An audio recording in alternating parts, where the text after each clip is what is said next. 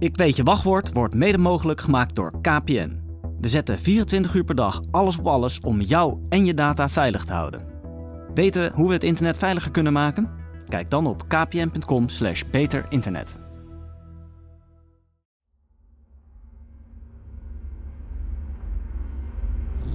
De stroom.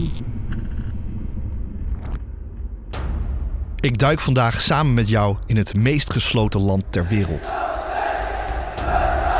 Er wonen 25 miljoen mensen, maar we weten nauwelijks iets over hen. Hun dictator bepaalt wat er gebeurt en heeft de touwtjes strak in handen.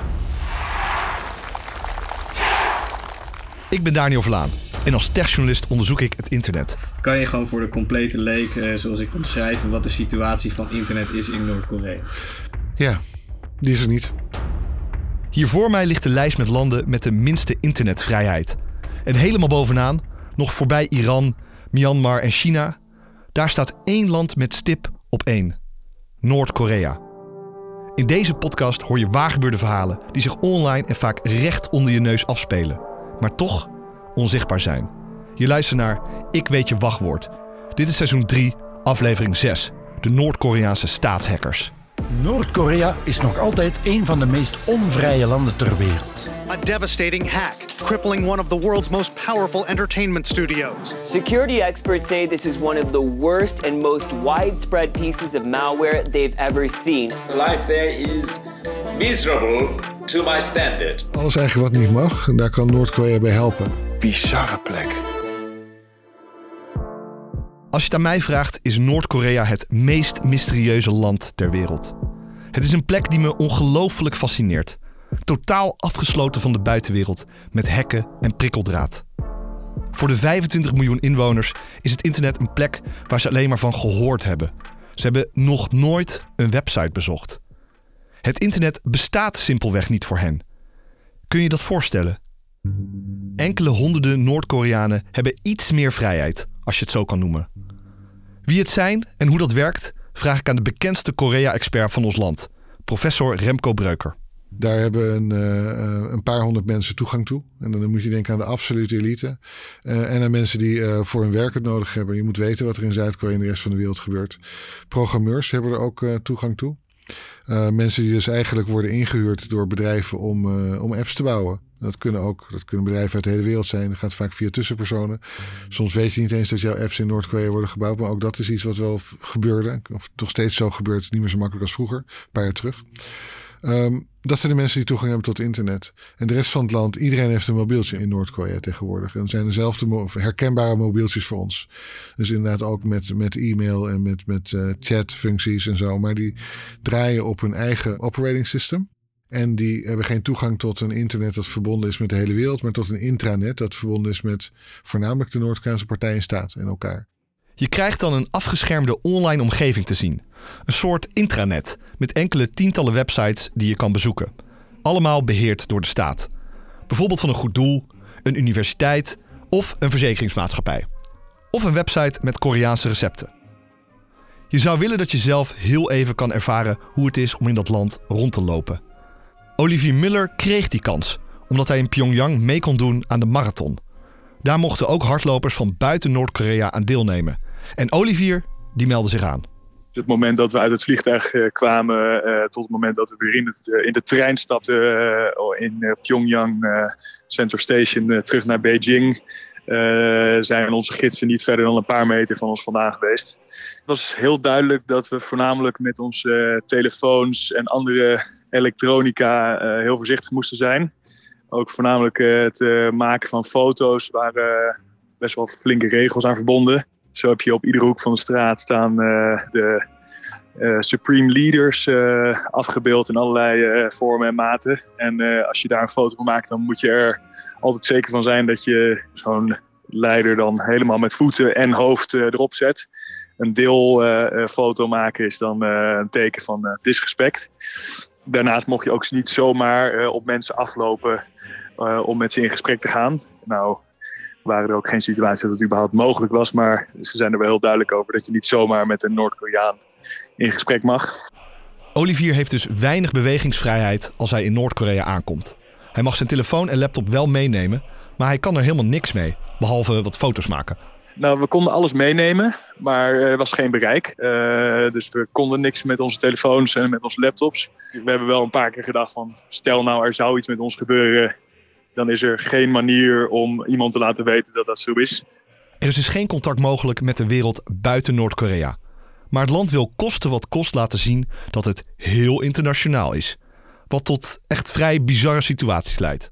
Een van de meest realistische ervaringen die ik misschien wel ooit gehad heb, was dat ik op een gegeven moment heb ik even voor, heb ik even voor jou van Frans Bauer uh, aan het luisteren was in de audiotheek in Pyongyang.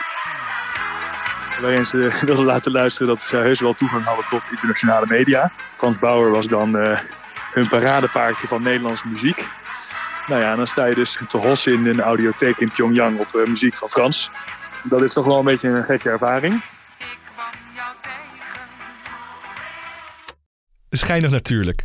Maar inwoners van Noord-Korea krijgen behalve wat boeken, muziek en het intranet niets te zien van wat er zich buiten de landsgrenzen afspeelt.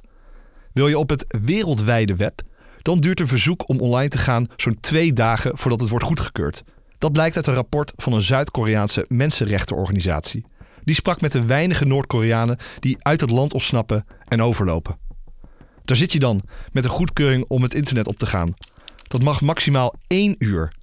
Naast je zit een bibliotheekmedewerker die constant in de gaten houdt wat jij en je buurman opzoeken. En elke vijf minuten bevriest het scherm. De toezichthouder moet jou met zijn vingerafdruk toegang geven om verder te browsen. Laat dit heel even tot je doordringen. Heel soms lukt het Noord-Koreanen om stiekem aan internet te komen. Bijvoorbeeld om series uit een ander land te kijken. Professor Beuker vertelt me dat je keihard de lul bent als je dan wordt gepakt. Er zijn net twee jongens van, uh, ja, jochies eigenlijk, van 15 en 16.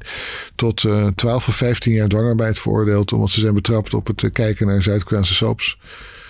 Meestal, uh, wat ik zei, kan je hier aan ontkomen door mensen om te kopen. Maar als, als, als de partij echt voorbeelden wil stellen, dan ben je wel echt de pineut. In deze aflevering onderzoek ik de digitale kant van dit extreem geïsoleerde land. Ik wil vooral meer te weten komen over de staatshackers die namens de staat miljarden stelen van banken en grote internationale bedrijven hacken, zoals Sony. Maar om echt goed te snappen hoe dit land kon uitgroeien tot een dictatuur, duiken we eerst even de geschiedenis in. Na 60 jaar is het bijna routine militaire oefeningen in Noord-Korea. Noord-Korea wordt ook wel een kluizenaarskoninkrijk genoemd. Het land houdt zijn grenzen zo streng mogelijk gesloten voor buitenlanders. Niemand behalve de communistische regeringspartij weet wat zich daar precies afspeelt. Hun leider? Dictator Kim Jong-un. Kim Jong-un is very young, very inexperienced and very insecure. And since he came to power, he has been killing lots of people.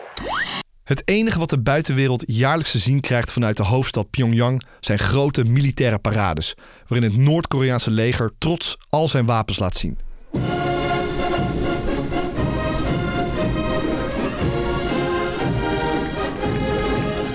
Die parades zijn een verkapte bedreiging, vooral richting Zuid-Korea. Noord- en Zuid-Korea zijn al meer dan 70 jaar officieel in oorlog met elkaar.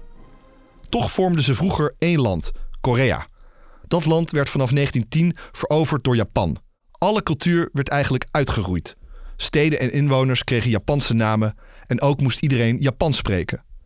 Na de Tweede Wereldoorlog werd Korea bevrijd door de geallieerden. Historicus Casper van der Veen legt uit wat de geallieerden toen deden. Dus toen dachten ze, weet je wat we doen? We maken van het noorden een communistisch deel, dat mag de Sovjet-Unie inrichten. En van het zuiden maken we een kapitalistisch deel, dat mag de VS inrichten. En dan in hooguit vijf jaar, dan organiseren we verkiezingen op het hele schiereiland. En dan mogen de Koreanen zelf kiezen onder wat voor systeem ze leven. In eerste instantie is het dus de bedoeling dat het land weer één geheel wordt, zoals Oost- en West-Duitsland uiteindelijk ook weer zijn samengevoegd. Maar in het geval van Korea loopt het wat anders. In het noorden komt de communist Kim Il-sung aan de macht, met steun van de Sovjets. Onder leiding van Kim Il-sung valt Noord-Korea in 1950 het zuiden aan. En zo begint de Koreaanse oorlog. Die oorlog is officieel nog altijd bezig.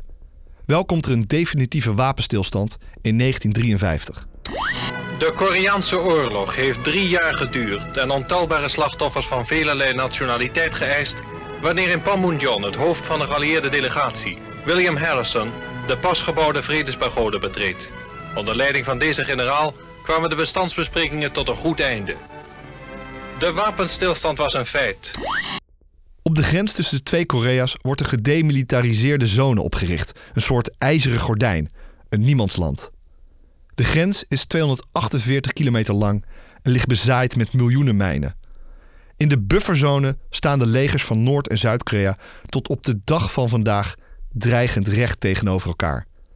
Programmamaker Menno Bentveld ging er tien jaar geleden naartoe. Dit is de plek. Je ziet die uh, betonnen drempel daar liggen. Dat is de grens met Noord-Korea. Dichterbij zullen we helaas niet komen. Als ik hier die grens oversteek, dan ben ik het haasje, is mij gezegd. En die drie militairen die staan daar stokstijf te kijken naar die ene Noord-Koreaanse militair aan de overkant. Totaal bizarre plek. Kim Il-sung regeert tientallen jaren lang als een communistisch dictator over Noord-Korea. Met ijzeren hand. Hij is ook niet vies van een beetje zelfverheerlijking. Kim laat gigantische standbeelden van zichzelf maken en kiest de bijnaam de grote leider.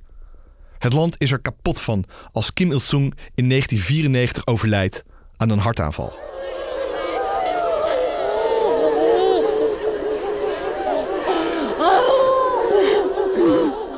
Zijn zoon, Kim Jong-il, wordt de opvolger. Dat gebeurt in een tijd waarin alle landen in snel tempo digitaliseren. Maar hoe ging dat in een dictatuur als Noord-Korea? Kim Jong-il bedacht al ver voordat hij president werd dat er een digitaal leger moest komen om zo Zuid-Korea te kunnen verslaan. Professor Remco Breuker weet er meer over. Zij heeft vanaf begin jaren tachtig al um, de meest veelbelovende uh, wiskundige talenten eigenlijk in, uh, op school apart laten zetten en aparte opleidingen laten geven om uh, tot wat, wat je nu een hacker noemt op te laten leiden. Dus dat was ontzettend vroeg. Dus dat Noord-Korea ook spreekt van, van een cyberstrategie is eigenlijk ook al van die tijd. Dat is ook ontzettend vroeg. Het is eigenlijk best gek dat het Noord-Koreaanse volk online zo wordt beperkt, terwijl digitale oorlogsvoering in het land een ontzettend grote rol speelt. Noord-Korea is natuurlijk een land van tegenstellingen, uh, maar dit is wel een hele grote tegenstelling. Er is geen internet in het land, maar het heeft wel hele geavanceerde uh, hack, uh, hackgroepen voor zich werken. Buiten Noord-Korea dan wel vaak, maar wel bestaand voor een groot deel uit Noord-Koreanen. Ja, dat is, een, dat is een hele rare tegenstelling. Die zou het niet verwachten. Het magische cyberzwaard. Zo noemt de huidige leider Kim Jong-un het digitale leger van Noord-Korea. Hij denkt dat het zijn land de overwinning kan bezorgen in oorlogen en het is daarmee net zo belangrijk als kernwapens en raketten. En hij zag die drie tezamen als het zwaard dat eigenlijk de rest van de wereld zou knechten. Dus de Noord-Koreaanse veiligheid en overwinning zou garanderen. Het is iets, denk ik, ook uh, waar de, de zwakte werd gezien bij Zuid-Korea. Die was er niet goed op voorbereid. En het grote verschil tussen Noord- en Zuid-Korea, nou, er zijn natuurlijk allerlei verschillen. Maar Noord-Korea uh, in dit geval is, um, denk ik, het, het um, trekt uh, voordeel uit het feit dat Zuid-Korea voor ligt. De wet van de remmende voorsprong. In Zuid-Korea is alles gedigitaliseerd. Echt alles. Op het moment dat dat stil ligt, ligt de hele samenleving stil. Tot aan het politieke proces aan toe. Je kan niks meer. Je kan nergens meer naartoe. Je krijgt geen eten meer.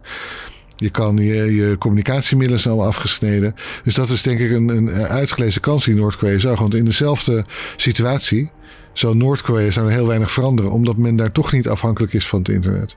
Noord-Korea ziet in de enorme digitalisering van Zuid-Korea dus een grote zwakte.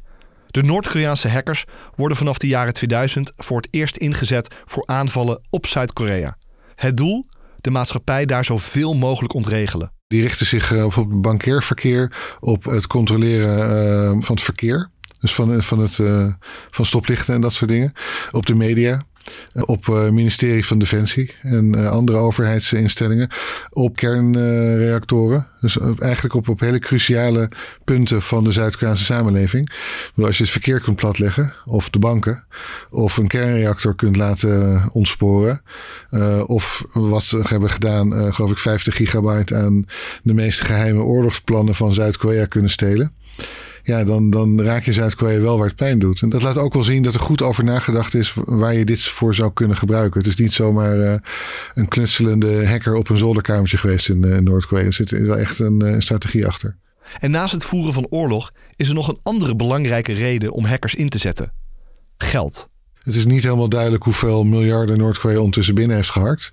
Uh, maar de rapporten die er zijn spreken uh, van de VN kwam volgens mij twee jaar geleden uit. En toen werd er al voor meerdere miljarden gesproken. Dat is wat we weten. Het is een winstgevende business als je weet wat je doet. En dat lijkt Noord-Korea wel te weten. Die miljarden heeft Noord-Korea keihard nodig. Omdat het voor zichzelf wil en moet zorgen. Dat lukt alleen niet altijd. Regelmatig zijn er grote hongersnoden. Eind jaren 90 stierven honderdduizenden Noord-Koreanen door honger. Het Westen straft Noord-Korea financieel omdat het land kernwapens ontwikkelt. De economie van het land is vandaag de dag zo goed als afgesloten van de rest van de wereld. En wat doe je als je geld nodig hebt, maar dat niet op een legale manier lukt? Dan steel je het. Noord-Korea zocht de afgelopen decennia naar criminele manieren om de staatskas te spekken. Iemand die daar alles over weet is de gepensioneerde FBI-agent Bob Hamer. Hij werd zo'n 20 jaar geleden op een geheime missie gezet: Operation Smoking Dragon. Het doel? Onderzoeken hoe Noord-Korea illegale spullen uit het land Amerika binnensmokkelt. Ik spreek Bob via FaceTime. I know this sounds silly. You're not going to see this in a movie, but my case agent said to me, he said, Bob, we've got stolen cars, we got counterfeit cigarettes, we've got ecstasy, we've got crystal meth. Um, we, we really need some guns to essentially put on the press conference table to make this look like it's, it's a big case. Het begint allemaal met nep-sigaretten. Maar uiteindelijk zoekt Bob dus ook naar drugs en zelfs wapens. Hij vraagt zijn doelwitten de criminelen met wie hij samenwerkt, of ze hem misschien ook aan automatische wapens kunnen helpen. We were literally driving down a, a freeway. Uh, I'm pitching one of our main targets about these weapons. And this guy looks at me and he kind of shakes his head and he says, I get you tank. He said, I get you anything but nuclear weapons. And the next thing we know, he's introducing me to someone else who's introducing me to Chinese generals. We get a catalog of weapons and we're setting up the purchase of QW2 shoulder fire missiles. Zijn Chinese contactpersonen vertellen Bob dat hij alles kan importeren vanuit Noord-Korea. Van AK-47 machinegeweren tot tanks. Echt alles kan, behalve atoombommen, zegt zijn contactpersoon. En dan wordt het nog gekker. Zijn criminele contactpersonen komen naar Bob toe met een verzoek. Ze vragen hem of hij mee wil doen aan het opzetten van een drugslab in Noord-Korea. we sat down in an office. I sat down with, two of these people. One was representing the North Koreans, and they laid out the plans for how to build a meth lab in North Korea. Het plan is als volgt. Bob en de criminelen met wie hij omgaat moeten een metlab opzetten in Noord-Korea. Daar wordt dan 600 kilo met gemaakt in het lab. Dat wordt tussen Noord-Korea, de criminele zakenpartners en Bob verdeeld. Noord-Korea geeft zelfs garanties dat de fabriek er mag staan. North Korea would guarantee that this would be manufactured. The only deal was this was a one-time thing. So once we got the 600 kilos, they, North Korea would guarantee that we got it out of the country. Bob is een adrenaline-junk als undercover-agent. En wat is er nou spannender dan naar Noord-Korea gaan om daar een metlab op te zetten? Hij wil erheen. Maar dan wordt hij teruggefloten door de FBI. Dit gaat ze allemaal iets te ver. I wanted to set this thing up and and see how it goes and uh, but the, the US my my bosses weren't going to let me go to North Korea. Bob mag dus niet naar Noord-Korea om een metlab op te zetten. Maar dat hij dit verzoek kreeg, zegt alles over hoe ver Noord-Korea gaat om op criminele manieren geld te verdienen. Door de hulp van Bob worden er via Operation Smoking Dragon in Amerika 87 mensen gearresteerd. Bob is ervan overtuigd dat Noord-Korea tot op de dag van vandaag op grote schaal crimineel handelt om geld binnen te krijgen. North Korea is a criminal enterprise and they needed the money. They have to build a financial empire somehow. Het verhaal van Bob toont aan hoe ver Noord-Korea wil gaan om op criminele manieren geld binnen te halen. Professor Breuker heeft de afgelopen jaren met grote verbazing gezien hoe Noord-Korea keer op keer nieuwe manieren vindt om via de onderwereld geld te verdienen. Ja, het is, is een zo'n onwaarschijnlijk rijtje van, van activiteiten. Uh, dat, is, dat gewoon bijna ongelooflijk is. Maar inderdaad, crystal meth productie is er één van. Um, Noord-Koreaanse crystal meth uh, heeft de reputatie van uh, de, puurste ter wereld te zijn. Ja, dat komt omdat het niet in campers in, in op Brabantse platteland hoeft te worden gemaakt. Terwijl de politie naar je op zoek is. Maar in laboratoria um, gerund door gewoon goed opgeleide chemici. Die weten wat ze doen. Die ontploffen niet. Die hoeven dat, uh, dat afval ook niet in de rivier te dumpen. Met als gevolg hele pure crystal meth, die blijkbaar populair is in, uh, in Azië. Dat is een manier. Um, sigarettenhandel. Handel in, uh, in alcohol in islamitische landen. Handel in, op kleine schaal dan weliswaar, maar het geeft wel een beetje een, een idee van de ondernemingsgezindheid van de gemiddelde Noord-Koreaanse diplomaat. Handel in rundvlees in, in India. Uh, dus alles eigenlijk wat niet mag. Daar kan Noord-Korea bij helpen. Uh, handel in ivoor in, uh, en drugs in Afrika. Handel en wapenhandel is natuurlijk altijd een hele grote component geweest voor Noord-Korea. Heel belangrijk. vanaf 2009 is dat steeds moeilijker geworden door alle internationale sancties. Maar um, daarvoor, Noord-Koreaanse vertegenwoordigers liepen gewoon met catalogie in een uh, ATC-koffertje. Dus dan kon je kiezen wat je wilde. De Noord-Koreaanse versie van de AK-47. En ja, zo ja, hoeveel? Of als je gewoon echt dacht langdurig veel dit soort geweren nodig te hebben. De hele fabriek kon worden gebouwd. En dat heeft Eritrea bij, geloof ik, zeg ik zo op mijn hoofd, laten doen. Een, een AK-47-fabriek laten bouwen. Dus je kan het zo gek niet bedenken of Noord-Koreanen um, hebben het wel geprobeerd. Zolang het maar geld opbrengt. Dit gaat vooral over fysieke criminaliteit. Onder leiding van Kim Jong-il en later Kim Jong-un wordt het cyberleger ook steeds vaker ingezet om banken en andere grote bedrijven te hacken. Als het internet bijna onmogelijk vrij te gebruiken is voor het volk, hoe komt het land dan aan hackers? Nou, daar is een speciale procedure voor bedacht. Wat er lijkt te gebeuren is dat je al op de lagere school wordt, uh, wordt gescout. Uh, iemand met, uh, met aanleg voor wiskunde. speciale, naar speciale lagere school kunt gaan, een speciale middelbare school. Die worden naar, naar de, de technische universiteiten gestuurd met, met de opleiding om hackers te worden. En als je daar doorheen bent gekomen, word je of in het leger geplaatst, dat is het algemene verkenningsbureau, onderdeel van het leger, of bij andere onderdelen van de Koreaanse, Noord-Koreaanse de partij die, uh, die hackers in dienst hebben. Uh, dat, ja, dat is dan je werk. Uh, om daar, dat zijn natuurlijk ook de groepen die toegang hebben tot internet in, uh, binnen de samenleving. In de BBC-podcast The Lazarus Heist vertelt een Noord-Koreaan hoe het was om als hacker te werken.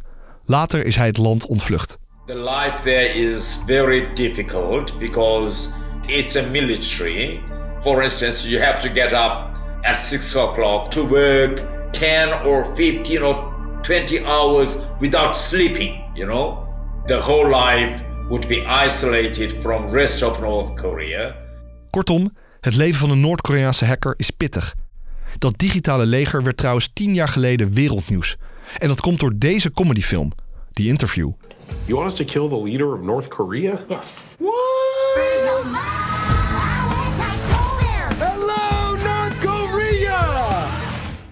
Seth Rogen en James Franco spelen twee tv-makers die een interview met Kim Jong-un hebben geregeld. De CIA vraagt hem vervolgens om de dictator tijdens dat interview te vermoorden.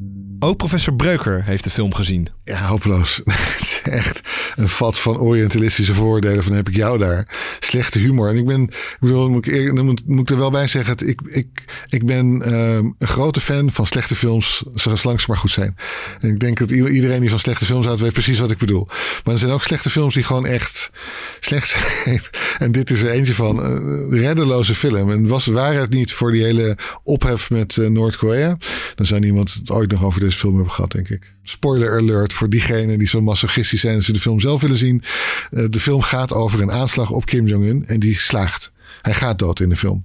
Nou, normaal gesproken, als je zo'n leider in een film afbeeldt, het zijn zoveel van dit films, dan neem je iemand die erop lijkt, maar die het niet is. Dus noem je hem, ik weet niet, dan noem je hem pakjongen of wat dan ook. Maar niet, is, niet de man zelf. Dat is nu wel gedaan. En dat werd gezien als een, als een belediging voor de grote leider. Dus elke Noord-Koreaanse diplomaat heeft geen enkele andere keuze dan zich hier tegen uit te spreken, omdat die ander zelf uh, strafbaar is. Vlak voordat Sony de film wil uitbrengen, krijgt het bedrijf waarschuwingen uit Noord-Korea. De grote leider wordt beledigd. Die interview moet niet uitkomen. En komt de film toch in de bios, dan kan dat leiden tot aanslagen. North Korea is already condemning it, accusing the United States of provocative insanity, an act of war, and promising a decisive and merciless countermeasure if the US supports the release of the film. Sony zet door en besluit de film gewoon te releasen. Maar dan, vlak voordat de film uitkomt, wordt het Amerikaanse hoofdkantoor van Sony via software gehackt en platgelegd. A devastating hack, crippling one of the world's most powerful entertainment studios. Sony Pictures Entertainment tells CNN it's still investigating what it calls a very sophisticated cyber attack. The FBI is on the case. Vijf films die Sony nog niet heeft uitgebracht, worden door de hackers online gezet.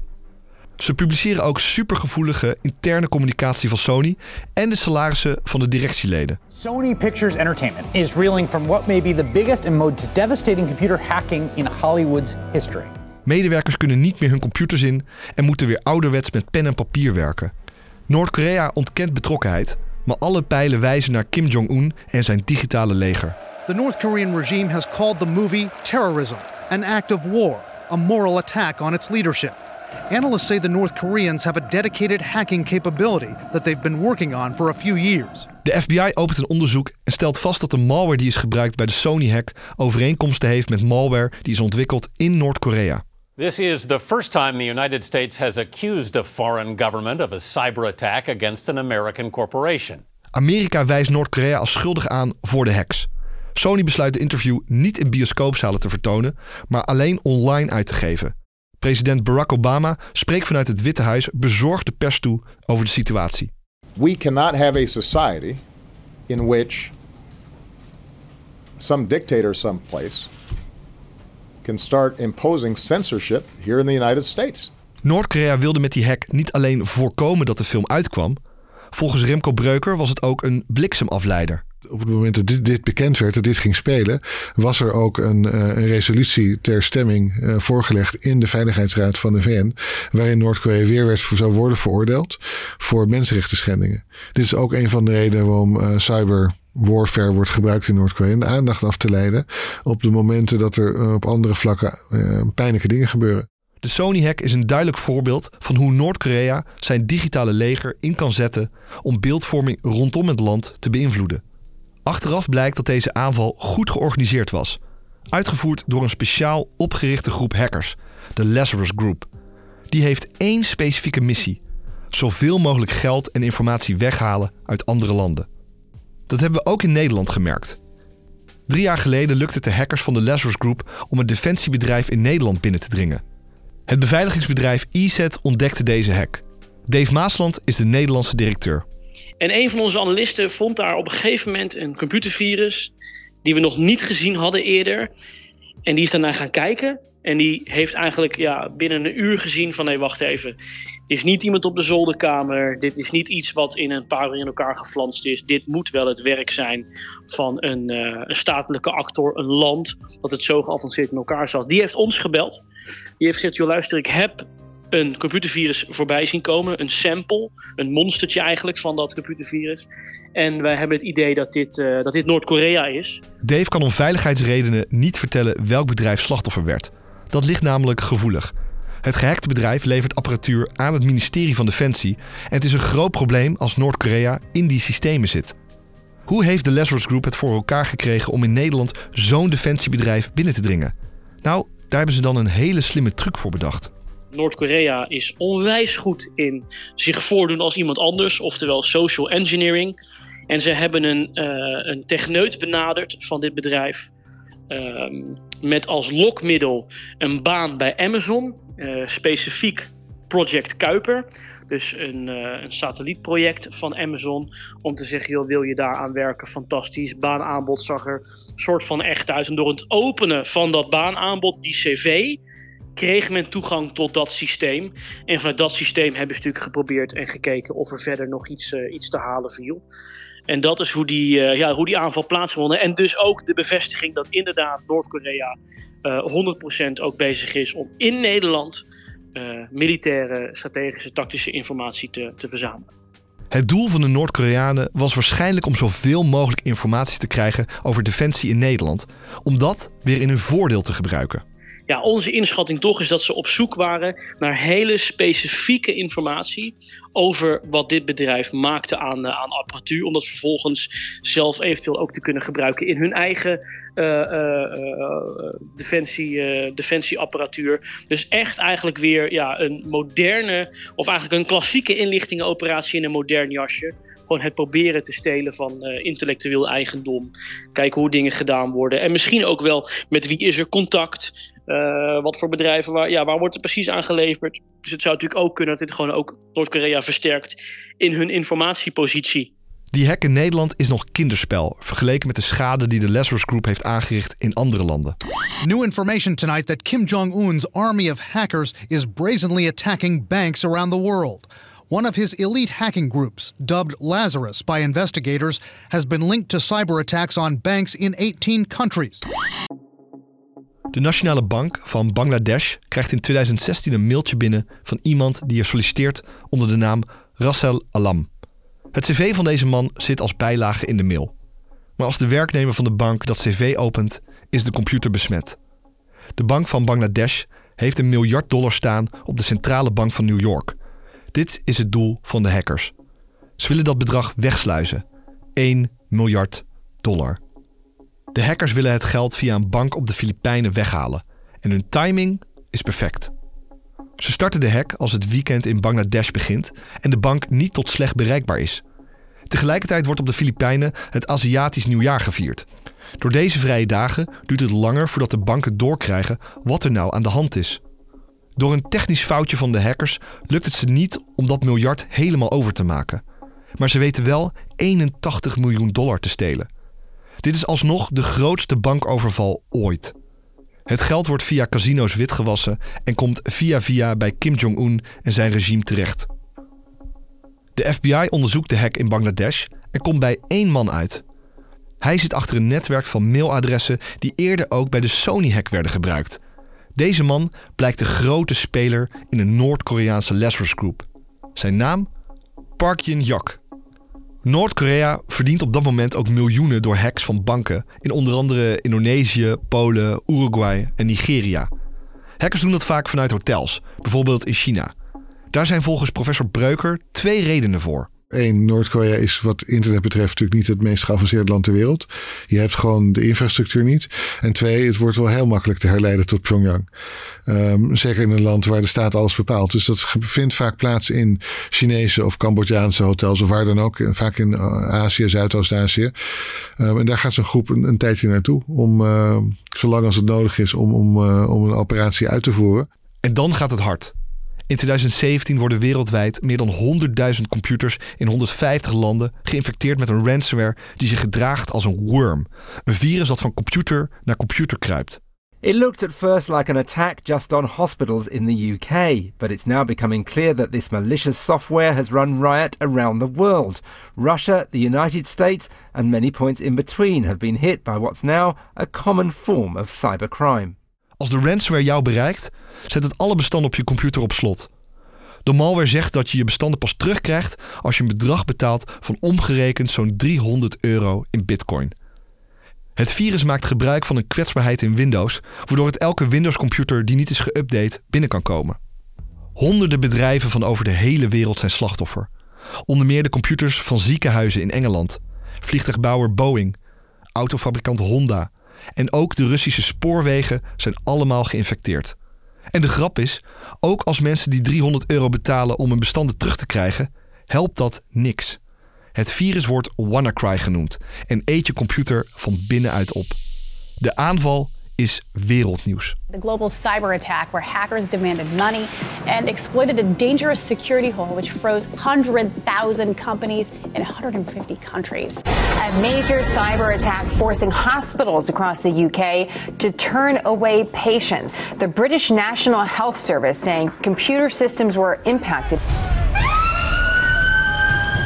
It's an international attack, and a number of countries and organizations have been affected. While victims receive ransom demands, paying those demands did not unlock their computers. Wie blijkt er volgens onderzoek van de FBI achter deze gigantische aanval te zitten? Je raadt het al, de Noord-Koreaan Park Jin-hok en zijn Lazarus Group. De FBI zet hem in 2018 op de Most Wanted lijst. We have unsealed criminal charges against a North Korean computer programmer for participating in a conspiracy that conducted sophisticated cyber attacks around the world on behalf of the North Korean government.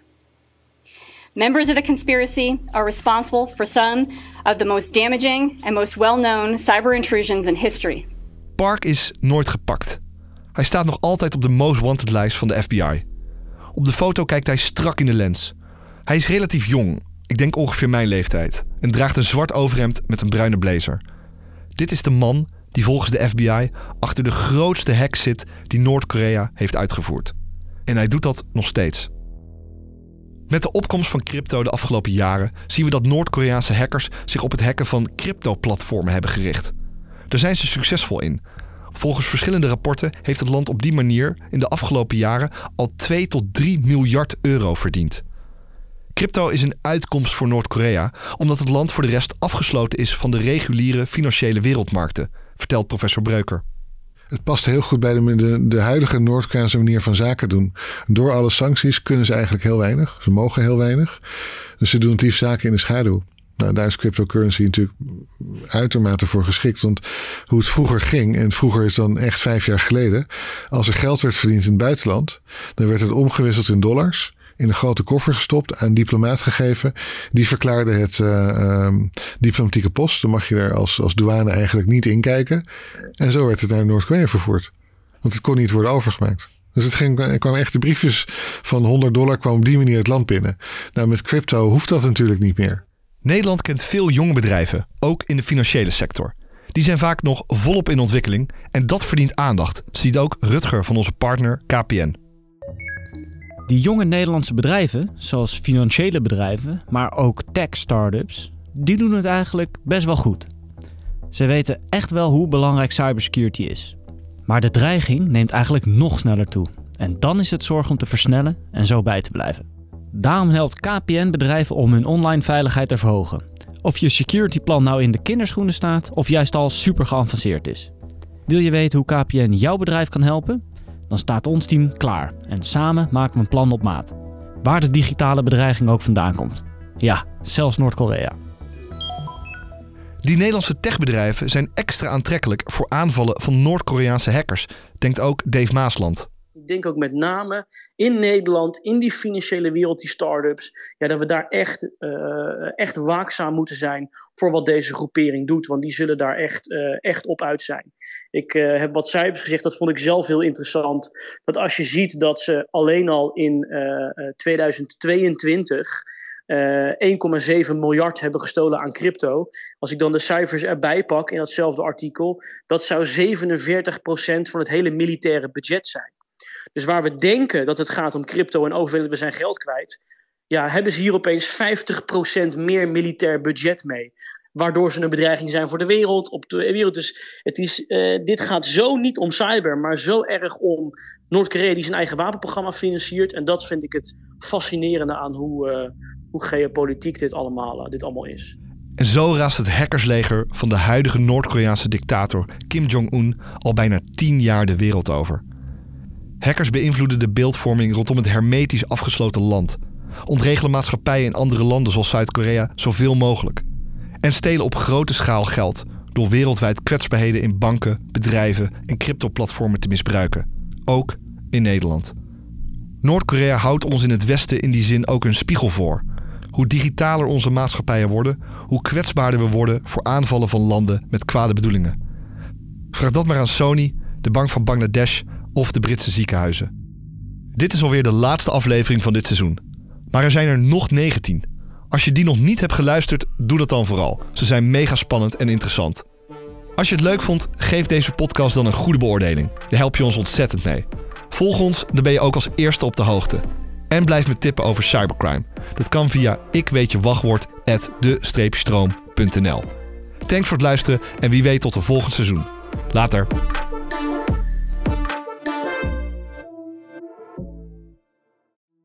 Ik weet je wachtwoord wordt mede mogelijk gemaakt door KPN. We zetten 24 uur per dag alles op alles om jou en je data veilig te houden. Weten hoe we het internet veiliger kunnen maken? Kijk dan op kpn.com/beterinternet.